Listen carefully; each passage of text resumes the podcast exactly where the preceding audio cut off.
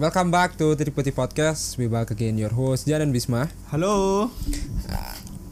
And now today we are talking about Group C. Wah, grup C. Ini kalau kalau ada yang pasti dengar langsung nyaut ya bis ya harusnya. You- You know what I'm saying gitu lah. Kalau ngomongin soal grup C. nggak mungkin dong grup C Conference League kan? Nggak ya? Itu kalau ada MU Pak, nanti Conference League. Oke, gua sih masih menunggu. Em, kebetulan di Conference League ada West Ham men. Entahlah, kayak West Ham juara deh. Apa? gua nggak paham sih. Premier League aja Enggak 0 ya? poin. Ah, itulah punchline yang sudah diberikan oleh Bisma karena satu-satunya tim dari game week 1 sampai game week 3 semuanya dapat poin gitu dan hanya West Ham doang yang nol gitu kan. Ada Gua tuh bingung ada- ya. Ada juga Ke- tapi yang belum pernah menang. Ada memang Ada, ada. ada, ada. Memang itu kabar terbaik untuk Bisma gitu. Sekalah-kalahnya sekalah 100-0 100 satu kemenangan tetap 3 poin daripada 2 Siap. poin lebih baik kan. Siap. Betul, Benar betul. sekali. Tapi yang kita omongin selain itu juga ada ada hal menarik terutama tran- bursa transfer yang makin ke sini makin harganya aneh-aneh lah ya. Itu juga akan kita bahas. Eh, ada hal lain seperti apa ya? Gua rasa selain harga pemain juga apa ya? Gua tuh pengen ngomongin soal kenapa sekarang pada ngeyel untuk tetap bertahan di timnya sih itu juga ada beberapa hal aneh gitu karena itu juga dirasakan oleh Bisma sebagai Manchester United dan dirasakan oleh em, gua sebagai Chelsea fans yang kayaknya ini pemain problematik banget gitu anjay siapa nanti ya itu nanti akan kita bahas Ya, jangan lupa Ajax. semua yoi ya Ajax ya pasti Van der Sar lah ya Oh, Anderson. Van der Sar FC ya. Jangan lupa eh seperti biasa killer konten kita eh side pitch terima kasih yang udah dengerin gokil. gue tuh kaget tau. Maksud gue em, itu kan rasa kultum ya. Cuma 7 menit doang gitu. Tapi kayaknya sih orang-orang pada seneng gitu ya sih. Tapi gue nanya sama lu sih. Maksudnya secara immersive audio tuh gimana sih? Lo lo menilai dari segi teknis, lo menilai dari segi em, kerangka sebuah konten tuh menurut lo gimana? Eh, menurut gue sih menurut gue sih kalau kerangka sebuah konten udah udah umum ya. Tapi yang biasanya tuh yang bikin beda tuh yang pertama pembawaan, yang pertama, yang kedua itu adalah su suasana. Apalagi kalau misalnya dalam kasus ini tuh kan nggak ada visual tuh ya kan tapi adanya audio. Jadi Ya. menurutku selain suara lu atau pembawaan lu gitu tapi background suara itu juga pengaruh gitu. Jadi Hmm, menurutku sih ini tuh bisa untuk dua segmen ya. Yang pertama itu segmen untuk lu yang mengisi waktu luang atau lu kerja sambil lu pengen tahu tentang dunia sepak bola. Yang kedua adalah lu eh, pengen tidur gitu kan tapi lu juga pengen eh dapat ilmu sepak bola juga gitu loh karena Ah, kadang-kadang emang ada suara tribun gitu kan suara orang keplok-keplok suara orang wole wole wole gitu nah itu Iya. menurutku sih juga bisa buat tidur ya gitu tapi Oke. tidur tidurnya tuh bukan sekedar gini kan lu a- tahu ada anggapan orang itu kalau pengen inget lu belajar terus lu tidur gitu tahu kan ya ya ya. Nah, jadi mungkin ya efeknya adalah lu lu akhirnya semakin menyerap ilmu dari yang lu denger itu gitu walaupun habis itu lalu lu tidur gitu. Ya ya ya. Ya itulah ya. Ya itu adalah salah satu responden ya dari pendengar gua yaitu Bisma sebagai Manchester United. Dia sering tidur memang. Karena mau dilihat apa lagi nggak mungkin lihat sampai full time dong kalau udah kalah 4-0 di half time gitu kan bisa. Iya, benar. Kayaknya iya deh. Oh, iya, benar ya. Tapi tetap berbahagia mau seberapapun kekalahan eh, adalah hal eh, happy weeks lah untuk eh, fans Manchester United. So kita langsung jump to UCL drawing yang kita lakukan. Kenapa nggak ngomongin UEL dan UECL bang? Ya gua nggak tahu ya kebutuhan untuk ngomong itu apa gitu. Karena gua nggak paham sih. Tapi kalau mungkin itu nanti diomongin ya boleh sih. Tidak usah, tidak Karena usah. nggak usah ya, nggak usah. Karena kalau kita ngomongin soal chances win probabilities to clinch the European title sih menurut gua nggak sekarang sih. Karena gua lupa tapi kalau mau fast forward U- UEL Arsenal itu di grup A lah ya. Kalau yang MU tuh di grup apa gue lupa. Lawan PF, PSV lagi ya. Grup grup E? Lawan Bukan Iya, PSV iya. coy. lawan Se- siapa yang pokoknya ketemu Van Persie. Sociedad. Oh iya iya iya. eh Van Persie apa siapa ya dia itu pokoknya mantan lah gue lupa lagi uh, gue nggak memperhatikan karena pada saat drawing kebetulan drawing UCL itu kan jam 11 bis. Gue ketiduran anjing banget sumpah. Aneh banget sumpah. Gue tuh udah udah nunggu-nunggu tapi ya iyalah jam 11 lagi karena itu di Turki kan. Ya itulah pokoknya. So um, kita coba breakdown sedikit banyak mengenai UCL drawing yang sudah kita lihat bersama-sama gitu kan. Terutama bagan-bagannya tampaknya ada keresahan-keresahan yang mungkin Bisma nanti akan bisa ungkapin gitu ya. Mungkin tidak dirasakan oleh orang lain gitu kenapa ini tim tuh seperti ini gitu kan eh kita coba start mungkin dari grup A eh, Ajax, Liverpool, Napoli, Rangers, kemudian grup B Porto, Atleti, Leverkusen dan Braha. Kemudian klub Brugge itu kan Belgium ya. Kemudian grup C Bayern, Barcelona, Inter, Victoria Pleasant. Kemudian Frankfurt, Tottenham, Sporting, Marseille di grup D. Grup E Milan, Chelsea, Salzburg, Zagreb. Grup F Real, Leipzig, Shakhtar, Celtic. Grup K Man City, Sevilla, Dortmund, Copenhagen. Grup H Paris, Juventus, Benfica, Maccabi Haifa. Mungkin gua harus tanya dulu lah. Kira-kira lo mau mau mel- melontarkan keresahan apa nih dari lo? What's your reaction about this group stage draw gitu, bis? Kenapa nggak ada MU ya? Nah itu, ntar diganti sama kompor lagi karena halu kan, api biru kompor gitu kan, itu kan itu meme yang cukup overuse lah. Tapi gua coba tanya dulu aja sih, maksudnya em, apakah benar-benar group of death itu cuma di C doang gitu bis? Atau lo melihat hal lain? Apakah benar-benar literally group of death itu grup C itu gimana tuh menurut lo? Eh, kalau menurutku Karena itu iya. sempat trending juga sih. Jadi kalimat grup C itu sempat trending di Twitter. Gue juga paham. Karena Iya? pada bahas juga. Iya. Pada saat kemarin itu grup C selain hashtag UCL Draw, grup C-nya sendiri tuh lagi trending gitu. Menurut lo gimana? Eh, kalau menurutku sih itu ya grup neraka gitu. Kenapa? Karena ada gini sih. grup- Menurutku ya grup neraka itu syaratnya itu ada tiga tim yang bisa jadi kandidat masuk gitu lah. Dan Oke. eh entah kenapa juga kita selalu melihat Bayer ini selalu ketemu Barca gitu. Entah itu di fase grup atau di fase knockout gitu mereka selalu ketemu kan. Eh, Ya. Apalagi kalau kalau kalian melihat dua tim itu bersamaan atau lagi bertanding itu pasti lu keinget 82 ya. 81, lah 82 ya betul. 82 gitu. Ya, Dan ya, satu ya. lagi si Inter ya. Inter itu entah kenapa eh, aku ngerasa itu dia kayak selalu berada di grup neraka gitu loh. Dan padahal sih ternyata kemarin itu enggak ya. Kemarin itu aku baru lihat lagi tuh dia segrup sama Real Madrid, Shakhtar Donetsk sama Mönchengladbach gitu.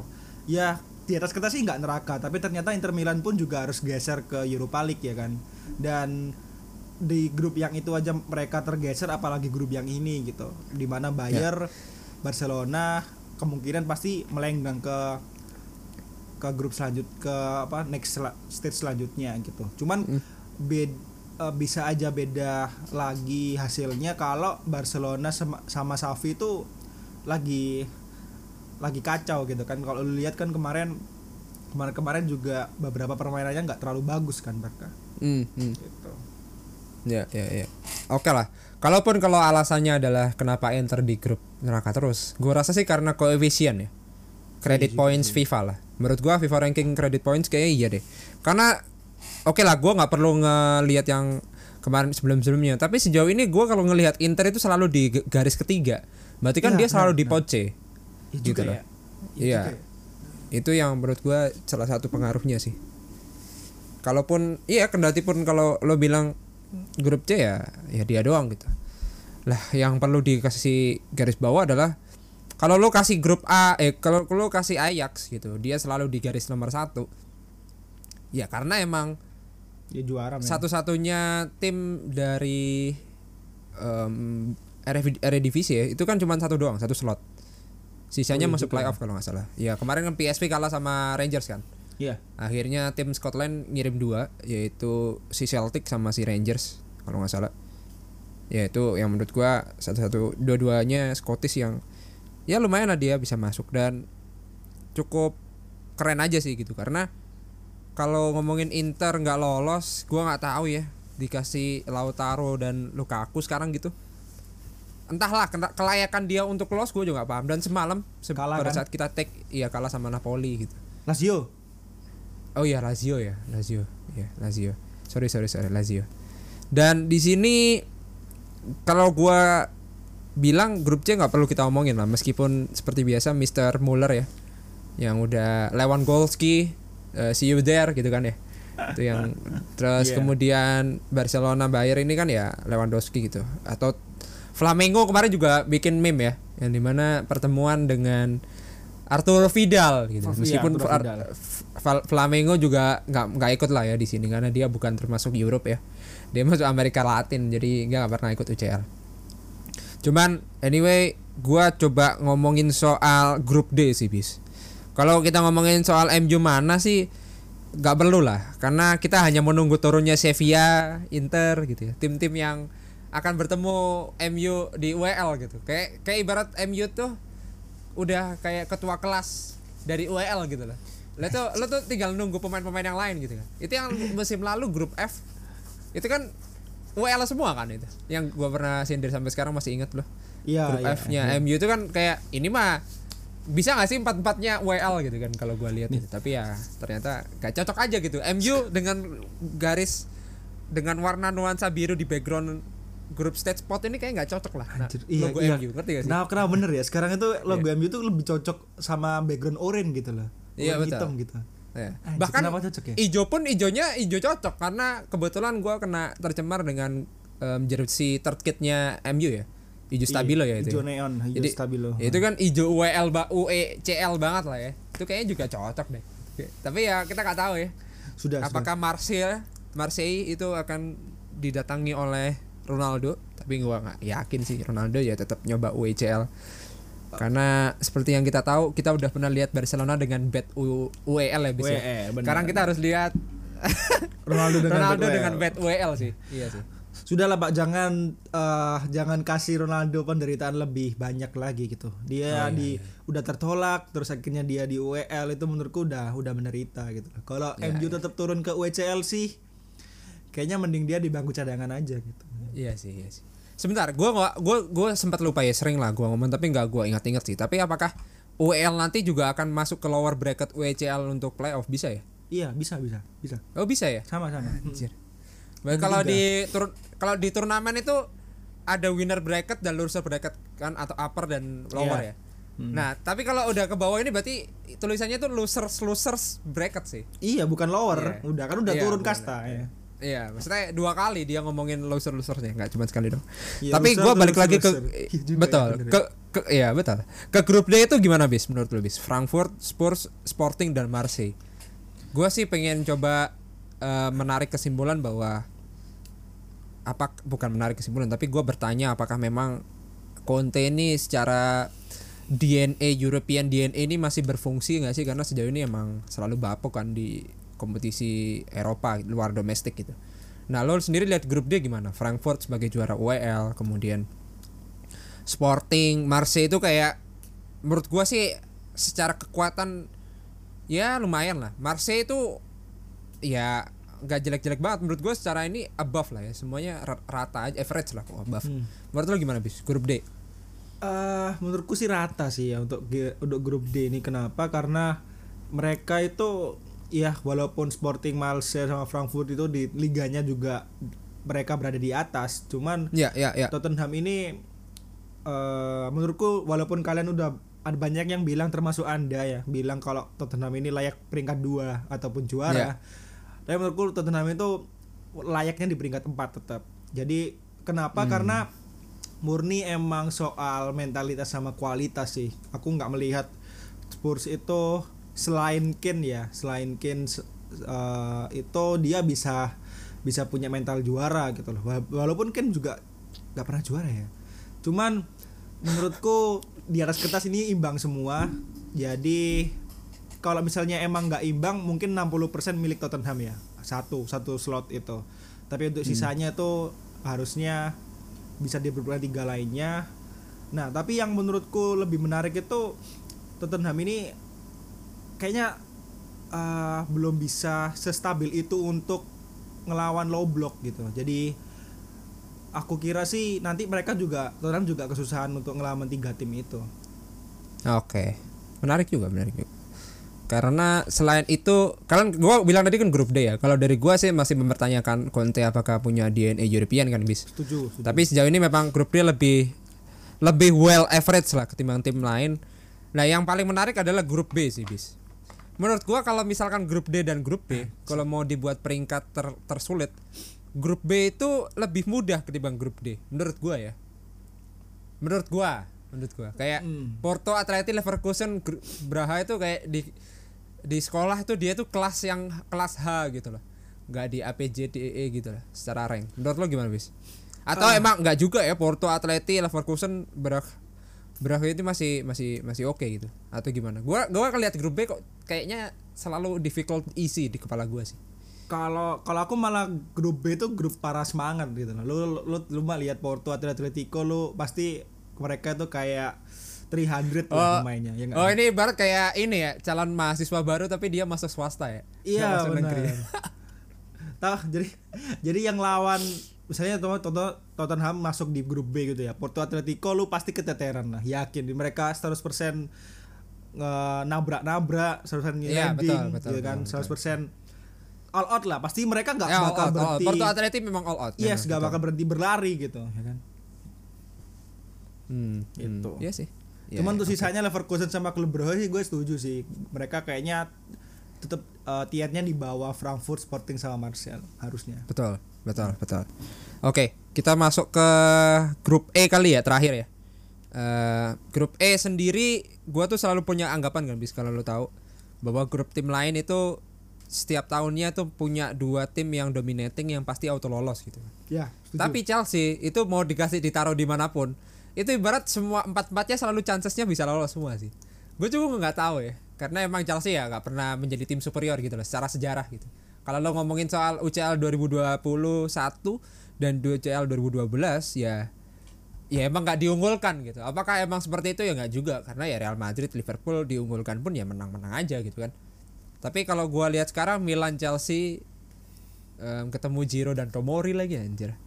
Itu nggak tahu tuh Leao jadi nggak ya? Itu itu juga salah satu pemain yang cukup oke lah dari namanya dari performance-nya musim lalu cukup oke tapi soal harga ntar kita bahas.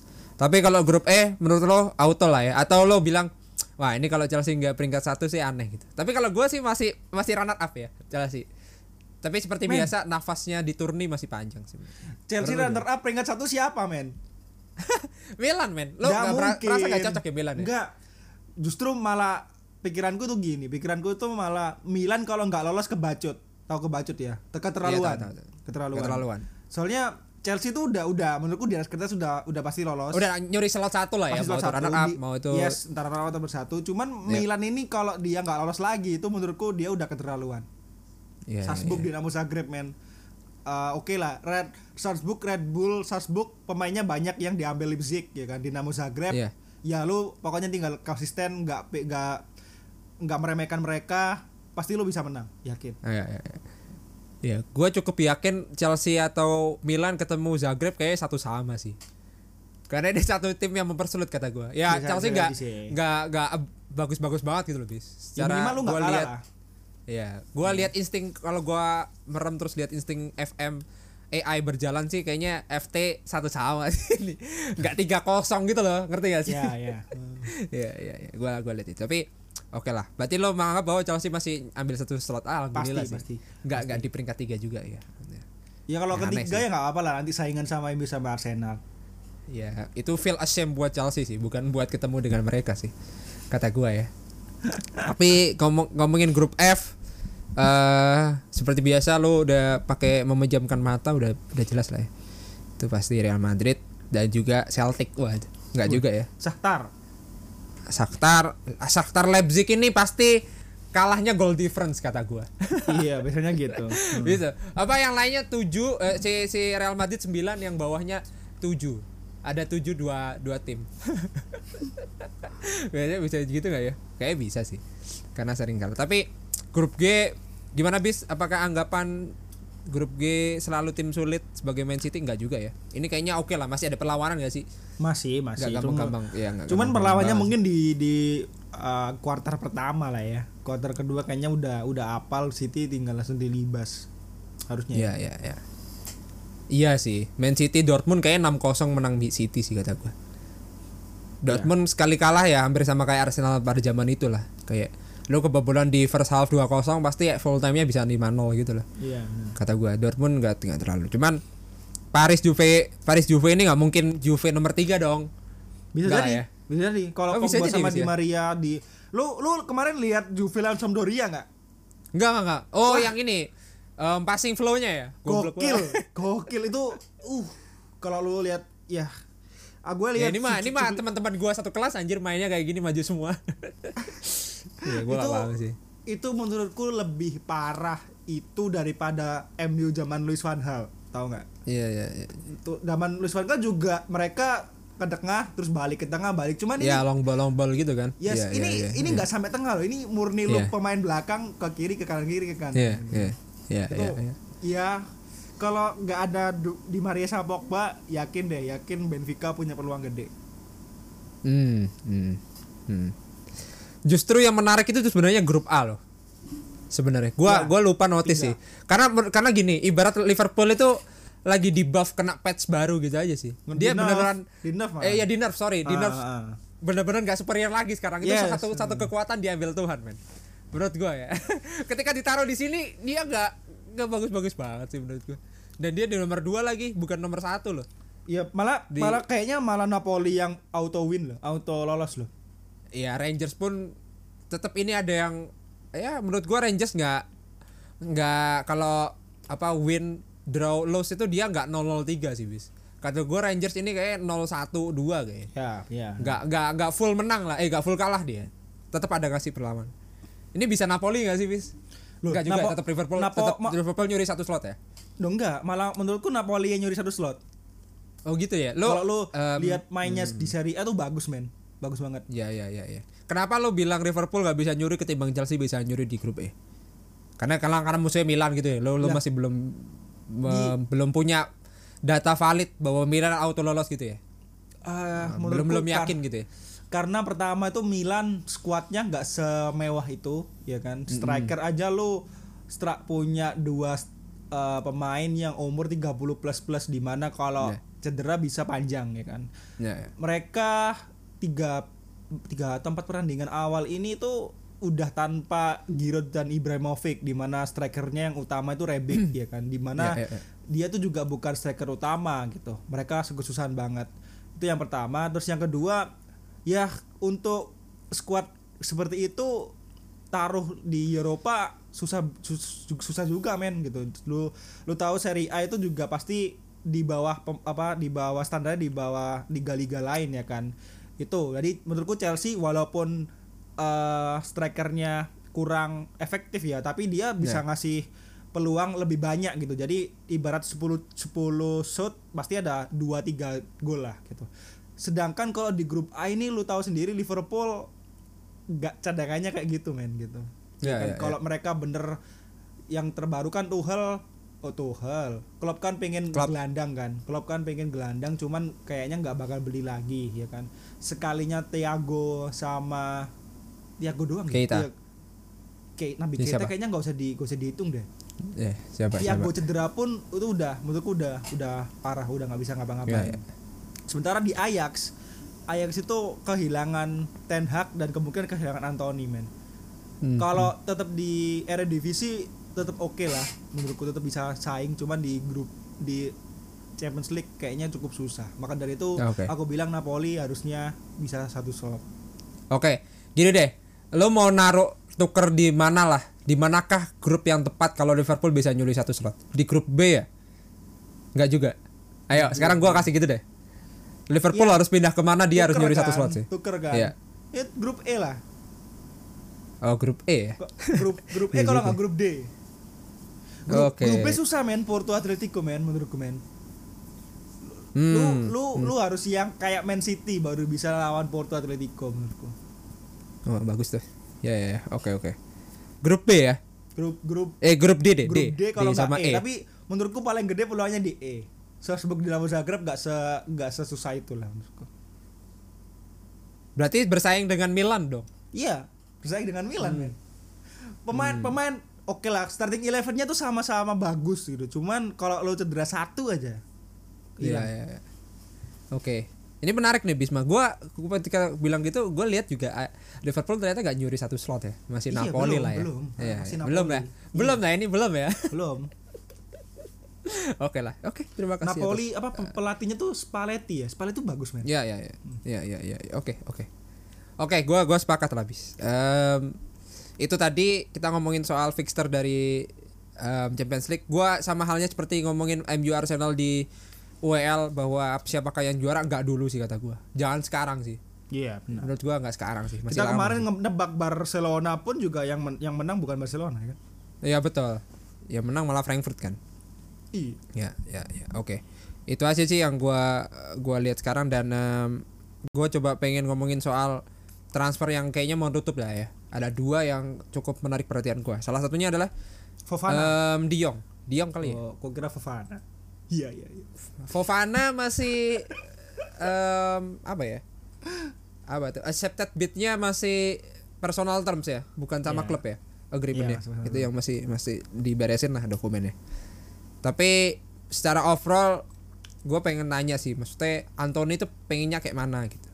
Itu satu. Casemiro nggak perlu kita tanya progresnya seperti apa kita udah bahas ya 30 yang yang, yang rugi emang MU MU kan nggak segera ganti DM lah ya harus kehilangan dulu harus harus ancur dulu lah baru dia Iya, mau mau ngeluarin duit segitu gitu Bener karena juga. apa iya apa pun itu Casemiro mau di mana pun dia memang eh bener-bener overshadowing sih ada yang bilang gitu pundit siapa ya yang bilang kalau Casemiro juga nggak mau ditaruh di tempat mana pun dia nggak nomor satu gitu loh bis Iya? gua enggak Enggak juga sih. gua lupa sih nggak juga ya Enggak sih, enggak sih. Tapi Ya gua mungkin juga pengen pendapatnya tanya dia sih. sih. Cuman kalau menurutku sih enggak.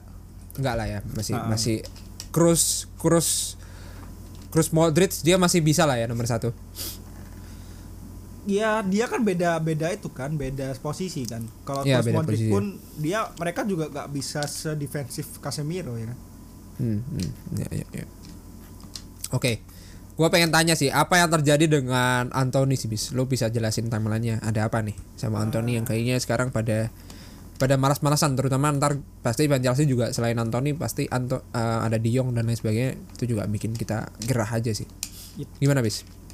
Eh, lebih tepatnya itu di minggu ini ya awal-awal minggu ini itu M, kalau nggak salah hari apa ya? Hari Selasa mungkin. Itu tiba-tiba MU yang udah kayaknya udah capek ngejar Anthony mereka tiba-tiba ngebid 80 juta gitu. Tapi Hmm. di- ditolak juga 80 juta euro ya. Euronya itu ditolak dan Anthony langsung marah gitu. Mereka dia langsung dua pertandingan nggak ma nggak main kalau saya ingatku. Dan di latihan juga nggak ikut nah terus yang terbaru ini adalah di mana hari ini 27 Agustus itu ke MU kembali ngebid ternyata se- sebesar Hmm. 90 juta Hmm. yang ka- kabarnya 94 ternyata 90 juta doang dan itu juga kembali ditolak.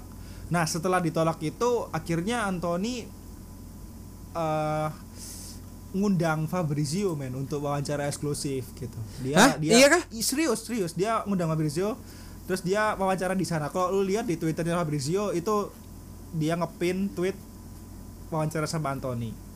Di mana intinya dia itu kecewa eh, Lu udah nonton itu bis?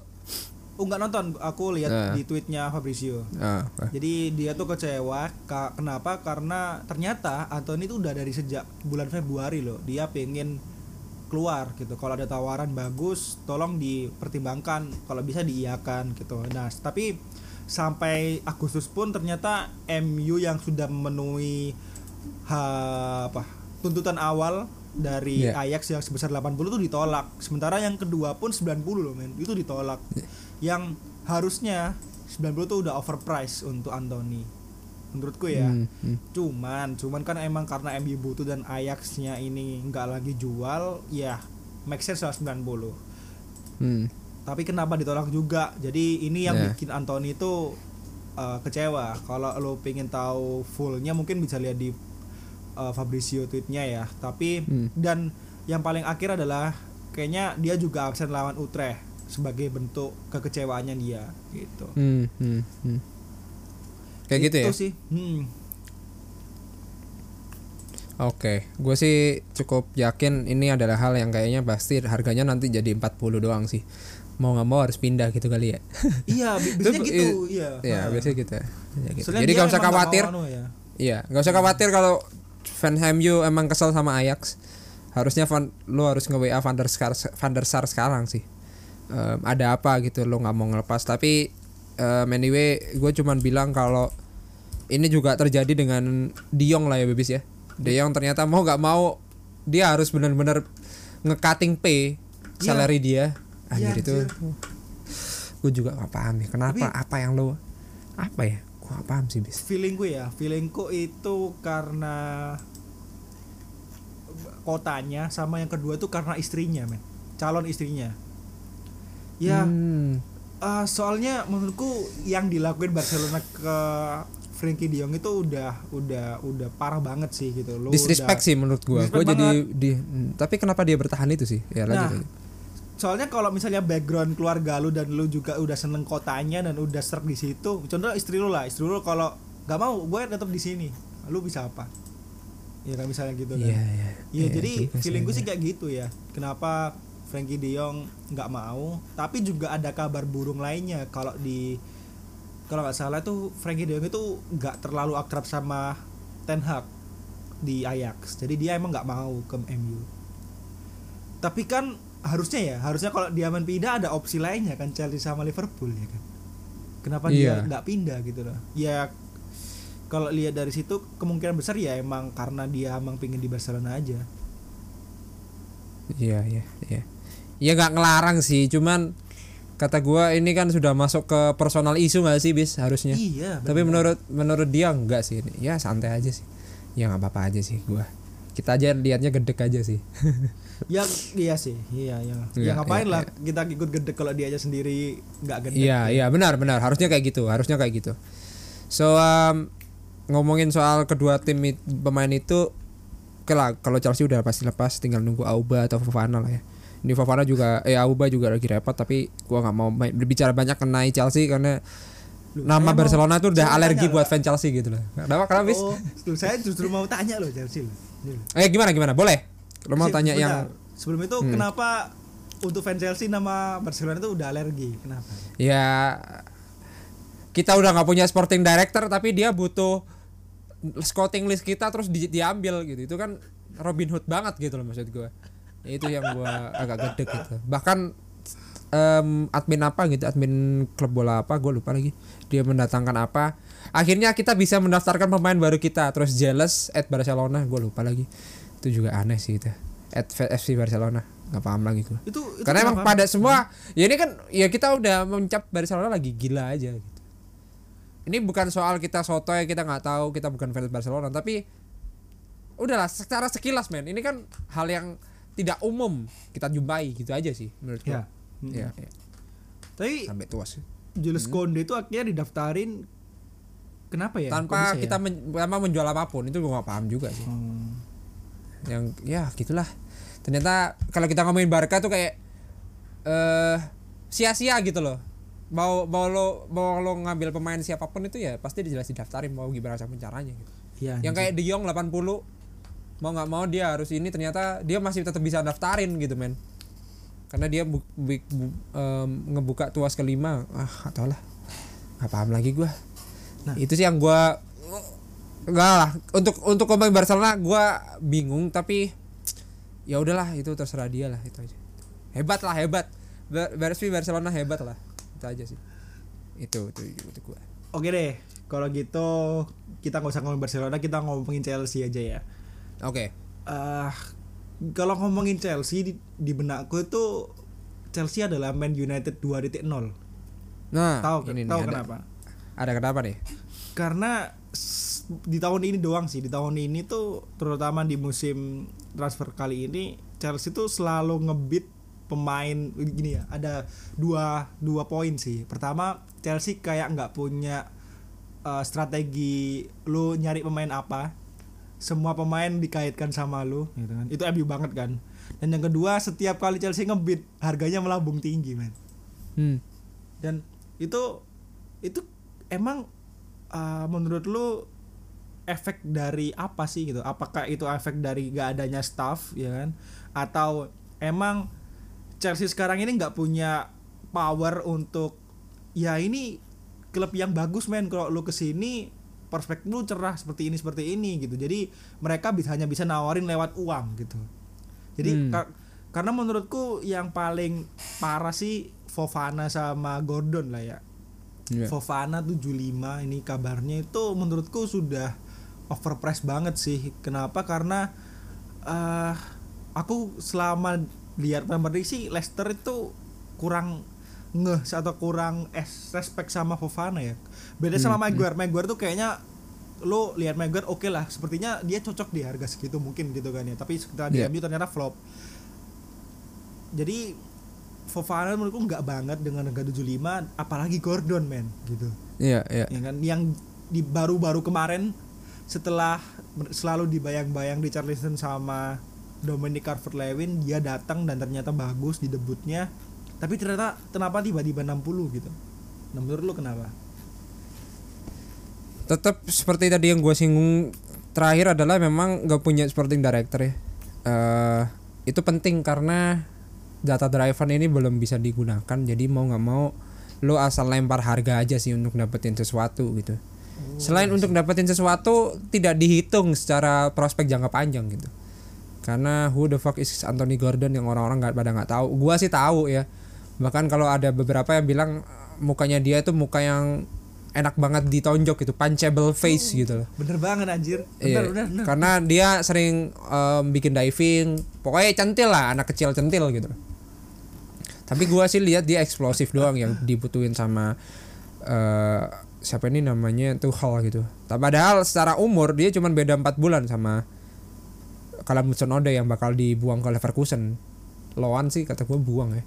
Jadi lebih tua Odoi kalau ngomongin soal gitu doang ya apa penilaian dari eksplosif gitu bis? Itu yang gua Yes. gua tahu ya. Ya jadi kata Elanga gua juga ini kenapa? Elanga juga eksplosif. Elanga juga eksplosif loh men. Iya. Dia lo udah udah pergi sih tinggal Elanga doang ya Elanga eksplosif men. Bahkan Pulisic yang mau pergi juga nggak pergi-pergi gitu. Karena MU kayaknya duitnya juga bukan dia buat dia ternyata ya. Iya. Nggak nggak mau ngasih slot buat dia bersinar pun nggak bisa. Untuk sementara nggak bisa bang Pulis. Ini tempatnya nggak cocok aja gitu. Eh, karena kemarin ternyata Rashford juga bagus gitu. Meskipun Martial cedera. Ini aneh-aneh juga nih Martial. Bagi bagusnya cedera. Tolol juga nih orang gitu kan. Itu aja sih yang gua bingung. Tapi balik lagi bahwa karena emang gak ada sporting director sih bis kata gua oke oke eh Ya, here we shock go nggak? ya belum oh iya lagi belum belum udah we go 29 menit yang lalu belum Fa- Fabrizio belum Iya iya udah udah here we go. Fofana udah here we go.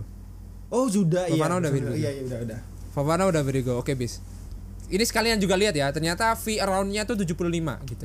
belum ya, belum mau gimana itu? Iya, 75 ya itu menurut gua karena emang kita nggak ada pilihan lagi lain gitu bis kalau bener-bener dapetin. Tapi ya balik lagi Anthony Garden itu apakah prospek jangka panjang gitu? Kalau Fofana oke lah karena kehilangan Rudiger ya. Mungkin Rudiger aja free transfer gitu kan.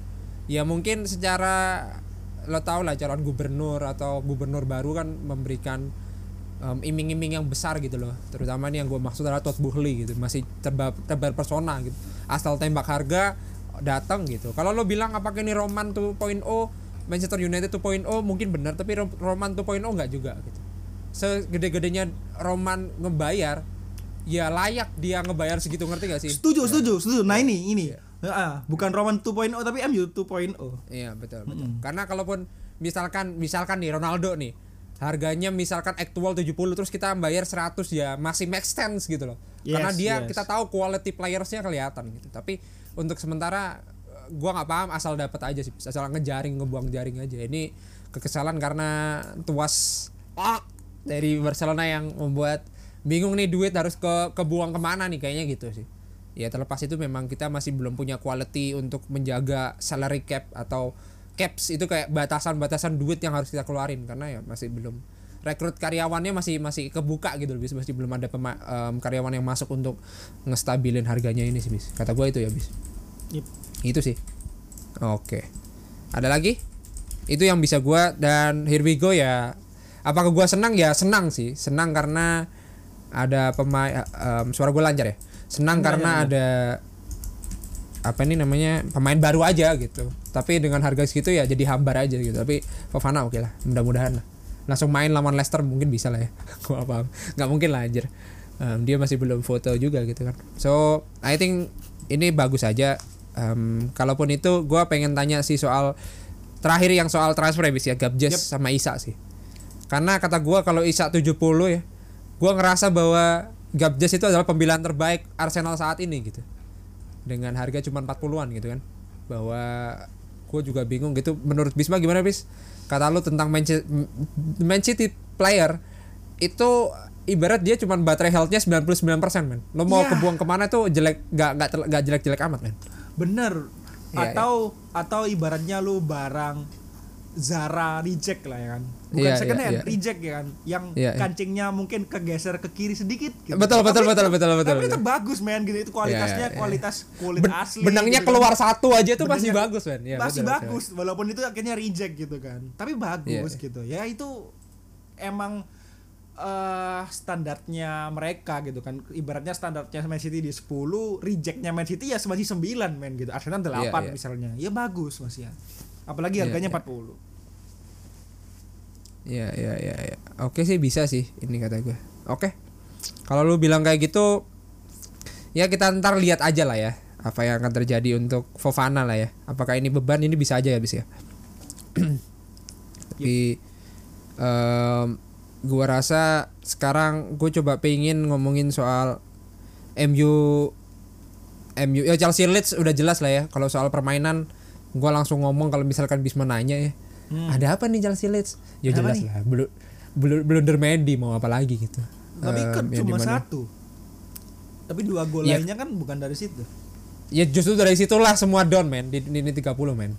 Itu aja sih jawaban gua ya bis ya selain karena kita tahu full press tiga attackers seperti halnya MU ya bahwa Leeds juga akan terkenal seperti itu ya pressing pressingnya yang cukup ketat dan Jorginho yang masih bisa holding untuk melihat situasi umpan harus umpan ke mana itu bingung gitu. Harus umpan ke belakang akhirnya kan Mendy harus long ball. Itu hampir sama seperti Mendy yang nggak bisa masih belum bisa em, ngeholding ngontrol bola yang cukup oke gitu ketika di press kayak gitu. Itu aja sih bis yang gue tahu ya Em, bahwa itu yang terjadi gue rasa I think that's it sih kalau lo ngomongin soal gue pengen tanya soal MU MU Liverpool aja sih gimana gue cukup yakin karena emang MU MU pasti menang sih MU pasti menang itu aja sih gimana menurut lo bis Kenapa? Kenapa? Menurutku malah MU harusnya kalah kalau misalnya di awal-awal.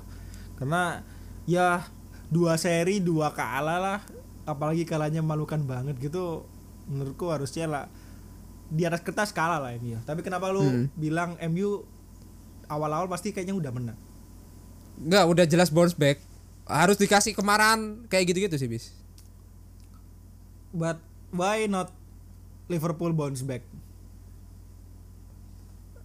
eh gue juga nggak paham ya apa yang terjadi ya karena apa karena emang lagi jelek aja sih Liverpool kan pada saat itu kan gue udah gue bilang bahwa eh secara secara quality dia udah diambil gitu loh kekuatannya bis. Di nerf bener-bener di nerf aja gitu.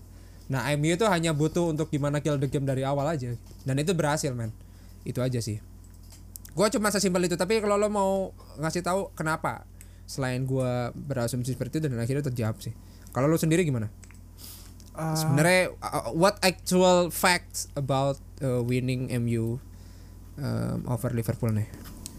Menurutku sih baik dari MU atau Liverpoolnya memberikan kontribusi ya. Intinya Liverpool MU emang bagus gitu. Dia lebih bagus bahkan dari Brentford sama Brighton dulu lawannya. Mereka lebih cepat dalam mengalir bola pastinya nggak salah mereka mau pressing. Backnya bagus Varane sama Mir Martinez. Cuman menurutku kalau hanya mengandalkan itu aja tanpa adanya sisi Liverpool yang lagi jelek itu susah untuk menang. Ah, jadi ini tuh juga turut andil dari Liverpool yang di bawah standar. Mulai dari tren yang ogah-ogahan kalau lu tahu gol pertama itu dia sempet eh cuman lihat doang saat bola di bawah Sancho terus kedua Virgil van Dijk yang kayaknya hilang fokus entah dia mikirin popok di rumah atau mikirin minyak belum dibeli atau gimana yang cuman lihat golnya atau Sancho doang mau nendang itu menurutku sih fatal ya Ya, Terus yang ya, kedua sama di sisi tengah. Di sisi tengah itu Milner siapa lagi ya? Federson sama satunya lagi itu Harvey Elliott itu kalah sih. Mereka hanya bermodalkan untuk eksplosif doang gitu. Jadi Hmm. eh entah kenapa ya aku juga bingung kenapa Fabinho masuk pun itu yang diganti Henderson bukan Ya, ya, ya, ya. Milner gitu. Jadi ya satu kesatuan lah. Kalau cuman MU aja yang bagus menurutku masih seri lah atau kalah. Ya. Oke. ya, Berarti kalau lo bilang eh, headline newsnya adalah bukan MU mengalahkan Liverpool, tapi Liverpool lagi jelek gitu kali ya? iya, iya. Ah, Oke. Tapi karena Iya. Liverpool nggak lebih menarik daripada MU kan, jadi MU-nya yang bagus. Ya. Gitu. Oke. Karena kalau ada yang bilang membangga-banggakan Lisandro, kata gua sih enggak ya. Karena dia man of the match, gua masih belum yakin dia akan bagus di match selanjutnya. Menurut Ya, gua masih setuju, masih belum terbukti lah, belum belum belum proven lah. Setuju. Yang Karena di dua match- cuman itu sih passion. Iya. Passionnya doang. Ya betul karena lu butuh seperti di ASO itu ya. Pokoknya Iya. or- kita butuh gak gak butuh bermain bagus kalau kata Bisma di locker room. Kita butuh orang yang bersemangat untuk bermain. sih. Setuju. Gitu. Benar, benar. ya betul. Dan itu terjadi dan ya udahlah itu selamat lah untuk eh, mungkin sekarang posisi eh, istirahat di tempatnya eh, Van Dijk mungkin sudahi saja lah ya. Sudah saja. Karena sudahi saja. Sudah sudah capek lah ya. banyak sekali memenya. Iya. Karena kata-kata gue udah paling benar sih si si siapa tuh namanya Milner bilang kalau ini gue gue juga juga gue barusan nyadar bahwa ternyata iya juga ya gue belum pernah lihat Van Dijk itu untuk em, diving ke tanah sih. Emang ini takut Iya, takut iyalah. kotor nih orang Bener, sih. bener. Gue kalau lihat Van Dijk pasti ada klip di dalam kepala lo dia pasti jatuh itu kayak enggak deh. Atau Jatuh menjatuhkan kayak kepalanya ditendang kayak Phil Jones dan juga Terry loh ya. Belum pernah dia. Iya iya iya iya. Yang dia duel sama kakinya orang pun dia nggak pernah ya kan? nggak pernah nggak pernah Nggak pernah. dia selalu man to man terus em, nge ngedragging pemain untuk nggak langsung direct ke gawang dia gitu doang sih sejauh gua ya sejauh sebagai awam sebagai fans em, bukan fans Liverpool so itu aja yang mungkin gua bisa ngomongin karena sudah cukup Bisma juga mau mempersiapkan FPL so I think that's it. Kayaknya udah udah hal ada yang menarik dan bersama berjuang UCL UEL UECL Iya. iya. Iya itu aja sih yang gua pengen lihat. Dan jangan lupa em, follow side pitch karena insya Allah setiap Senin itu ada. Yap. jadi nggak usah khawatir. Um, kultum dari gua. Ada beberapa menarik. Ya mudah-mudahan bahan-bahan tentang skandal se- sepak bola terutama Piala Dunia sampai benar-benar Piala Dunia Qatar ber em, mulai sih kata gue masih masih banyak sih karena di masa-masa terdahulu Piala Dunia skandal dark setnya masih oke sih. Masih masih gua baca. So itu aja. Jangan lupa untuk terus interaksi. Em, lo bisa langsung ngomong komenin konten-konten kita di noise. Em, oh ya, anjay sekarang noise. Terima kasih yang udah follow ya. Dan lumayan. Itu 20 subscriber itu kita udah bangga. Satu doang itu kita udah bikin bangga guys. Apalagi 20 Yap. dan itu tetap growth sih. Em, follow di titik putih bola. Seluruh sosmed ada titik putih podcast di TikTok juga ada itu lebih ke teaser teaser dari beberapa fun fact fun fact set pitch dan mungkin aso yang kayaknya kita berdua masih mencoba one day one essay itu memang memang sulit. Susah. susah, susah. tapi tetap diperjuangkan. Siap, Itu aja sih kata gue so I think that's it. So thank you so much buat Bisma thank you so much buat pendengar dan gua dan Bisma signing out and see you next episode. Bye bye Bye.